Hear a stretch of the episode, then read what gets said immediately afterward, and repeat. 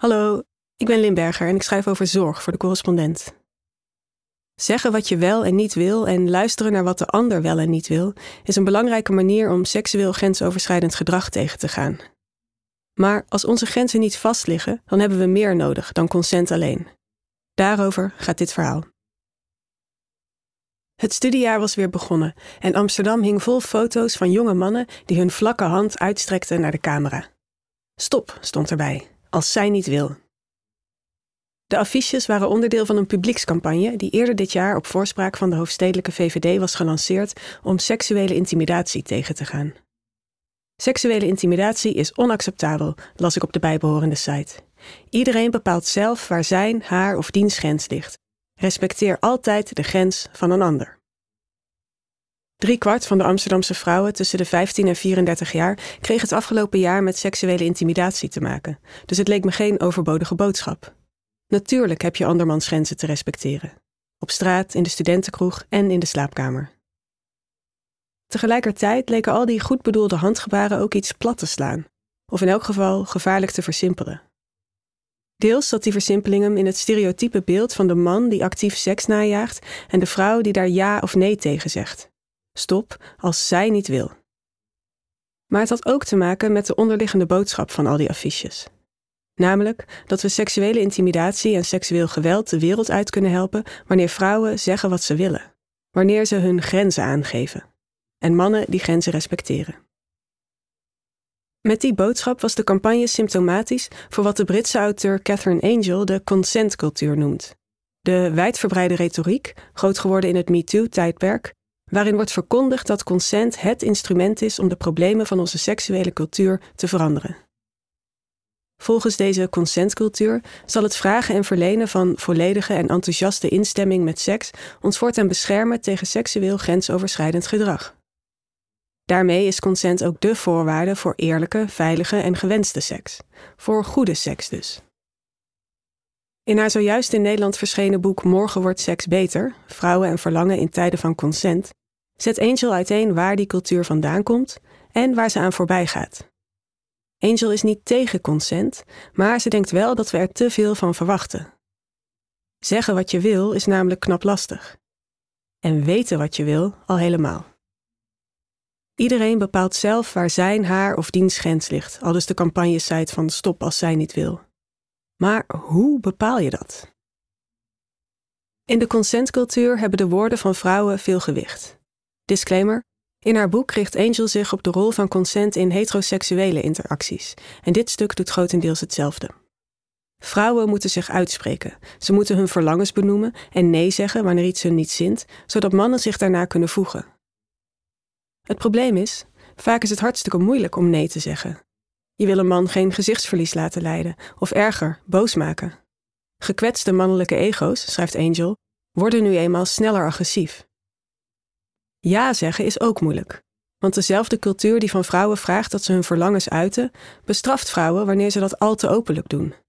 Zeg wat je wil en het kan tegen je worden gebruikt. En omdat grenzen zelden vast liggen, is je erover uitspreken des te moeilijker. Wat je wil, wat je verlangt, hangt af van de context waarin je je bevindt en degene of degenen met wie je bent. En dat geldt ook voor wat je niet wil. Ga maar na. Een seksuele fantasie kan ik nog wel in mijn eentje koesteren. Maar of en hoe ik die wil uitvoeren is een zaak van mij en de ander en onze omstandigheden. Wat ik vandaag met jou wil, wil ik morgen misschien niet meer. En wat ik morgen niet met jou wil, wil ik misschien wel met een ander. Onze grenzen zijn veranderlijk en voortdurend in beweging. We moeten ze steeds opnieuw onderzoeken. En daarvoor hebben we een ruimer, opener vocabulaire nodig dan dat van instemming, weigering en stop als zij niet wil. Het idee dat grenzen ons kunnen beschermen tegen ongewenste, ongemakkelijke of ongelijkwaardige seks staat niet op zichzelf. Grensoverschrijdend gedrag gaat al lang niet meer alleen over seksuele intimidatie of seksueel geweld, maar ook over bijvoorbeeld pesten, uitsluiten, het creëren en in stand houden van een onveilige sfeer of simpelweg iets doen wat een ander niet fijn vindt. Een breed scala aan zelfhulpboeken, posts op social media en terloopse adviezen in alledaagse gesprekken moedigt ons dan ook aan om onze grenzen te kennen en kenbaar te maken. Niet alleen op het gebied van seks, maar ook op dat van vriendschap, ouderschap en werk. Grenzen, zo luidt de belofte, zullen ons redden. Of het nu is om ongewenste intimiteit tegen te gaan, onze mentale gezondheid te bewaken, of onze schoonmoeder een halt toe te roepen wanneer ze zich weer eens bemoeit met de opvoeding van onze kinderen. Stop als ik niet wil. Vaak doet die grenspraat me denken aan foto's die tijdens de COVID-pandemie in de krant stonden. Ik weet niet meer precies in welke golf, van mensen die in het park de lente tot zich namen. Er waren witte cirkels in het gras geschilderd, op ruime afstand van elkaar, en in elke cirkel bevonden zich één, twee of hooguit drie mensen. Iedereen had zijn eigen cirkel, zijn eigen streng bewaakte grens.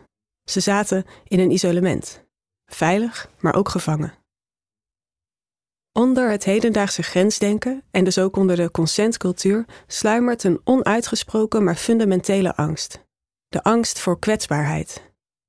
Maar die angst zit ons uiteindelijk meer in de weg dan dat hij ons helpt. Ook en misschien wel juist waar het seks betreft. Als je je kwetsbaar voelt, schrijft Catherine Angel, is het verleidelijk om je tegen kwetsbaarheid te wapenen. Om jezelf zo sterk te wanen dat niemand je pijn kan doen. Maar de keerzijde daarvan is dat niets je meer kan raken.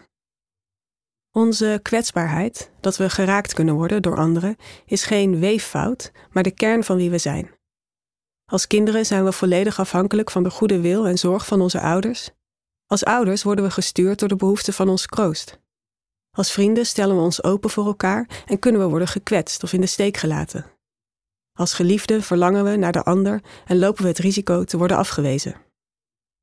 We zijn allemaal altijd kwetsbaar, poreus en afhankelijk. Hoe ver we onze arm ook uitstrekken om stop te zeggen, hoe ver we onze cirkels ook uit elkaar plaatsen, hoe helder we onze grenzen ook aangeven. En dat is goed. Want het is precies die openheid, die kwetsbaarheid, die ons in staat stelt ons aan een ander te verbinden. En het is ook precies die openheid die ervoor zorgt dat we erachter kunnen komen wat we willen, wat we verlangen. Mens zijn is kwetsbaar zijn, schrijft Catherine Angel. En daarom verzet ze zich, overigens zonder het zeer reële gevaar van seksueel grensoverschrijdend gedrag te bagatelliseren, tegen de fantasie van onkwetsbaarheid door duidelijke grenzen, van veiligheid door consent. Ik vind dat een mooi verzet, een hoopvolle opgeheven hand. Jezelf niet door en door hoeven kennen, in een tijd waarin het kennen en bewaken van jouw grenzen een vereiste is voor je mentale gezondheid. Jezelf openstellen en poreus zijn en overlopen in een ander, in een tijd die individuele autonomie en onafhankelijkheid als hoogste goed heeft. Iets niet mogen weten in een tijd waarin stelligheid regeert. Ik weet het niet, misschien dit, misschien dat, zullen we er samen achterkomen? Is dat niet precies wat seks zo goed maakt en ook zo radicaal? Soms is het heel duidelijk waar de grens ligt. Sla de niet aflatende stroom aan MeToo-verhalen over mannen in machtsposities en vrouwen die zich niet goed tegen hen kunnen weren er maar op na. Maar de meeste grenzen worden pas zichtbaar en leesbaar op het moment dat we er tegenaan botsen. En juist daarvoor geeft de consentcultuur ons weinig woorden, nauwelijks handelingen en geen grondhouding. Voor goede seks hebben we dus meer nodig. Wat we nodig hebben is een seksuele cultuur die ruimte laat voor ambivalentie. Een cultuur die ons toestaat aan te geven waar we benieuwd naar zijn. Die ons niet alleen aanmoedigt om grenzen te stellen, maar ook en vooral om die grenzen tegen te komen. Om nieuwsgierig te zijn, een nieuwsgierigheidscultuur. Nieuwsgierig naar wat we zelf willen en dus open voor het onbekende. Niet met een cirkel om ons heen, maar hooguit een vloeibare, bewegelijke stippellijn. En ook nieuwsgierig naar wat de ander wil. Niet bang voor andermans grenzen, maar benieuwd naar andermans verlangen elke keer opnieuw. We hebben een cultuur nodig waarin grenzen altijd hooguit tijdelijk zijn en waarin ze in het beste geval helemaal mogen verdwijnen, omdat we opgaan in de ander en de ander in ons. Stop als zij niet wil. Ja, natuurlijk, maar laten we het gesprek daar niet eindigen. Seks is zoveel complexer dan dat simpele gebod en er is nog zoveel meer te zeggen. Accepteer dat zij niet weet wat ze wil, bijvoorbeeld. Dat jij het zelf misschien ook nog niet weet. Dat wij het niet weten, maar dat we het samen kunnen ontdekken. En dat we dan wel kwetsbaar moeten durven zijn. Dat we dan nog niet kunnen weten waar onze grenzen precies liggen en we die dus ook niet duidelijk kunnen aangeven. Maar dat we die grenzen wel samen kunnen verkennen. En dat we dan voorzichtig met elkaar moeten zijn. En bovenal benieuwd. En dan nog even dit. Wil je helpen de correspondent verbeteren? Meld je dan aan voor ons ledenpanel. Al tien jaar maken jullie, onze leden, journalistiek voorbij de waan van de dag mogelijk. Niet alleen financieel, maar ook inhoudelijk. In de bijdragensectie verrijken jullie onze journalistiek met kennis en inzichten. Jullie stellen kritische vragen, geven interessante tips en wijzen ons op fouten. Ook sturen jullie veel ideeën over hoe we de website en de ervaring van leden beter kunnen maken. Omdat jullie feedback zo waardevol is gebleken, willen we de komende jaren nog meer samenwerken met leden, om zo de correspondent nog beter te maken. Ik zou het ontzettend leuk vinden als je je aanmeldt voor dit ledenpanel. Dat kan via de link in de show notes, want jouw hulp kunnen we heel goed gebruiken.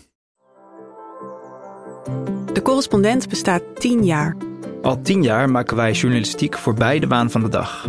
Journalistiek die niet polariseert, maar perspectief biedt. Die geen ophef najaagt, maar oplossingen zoekt.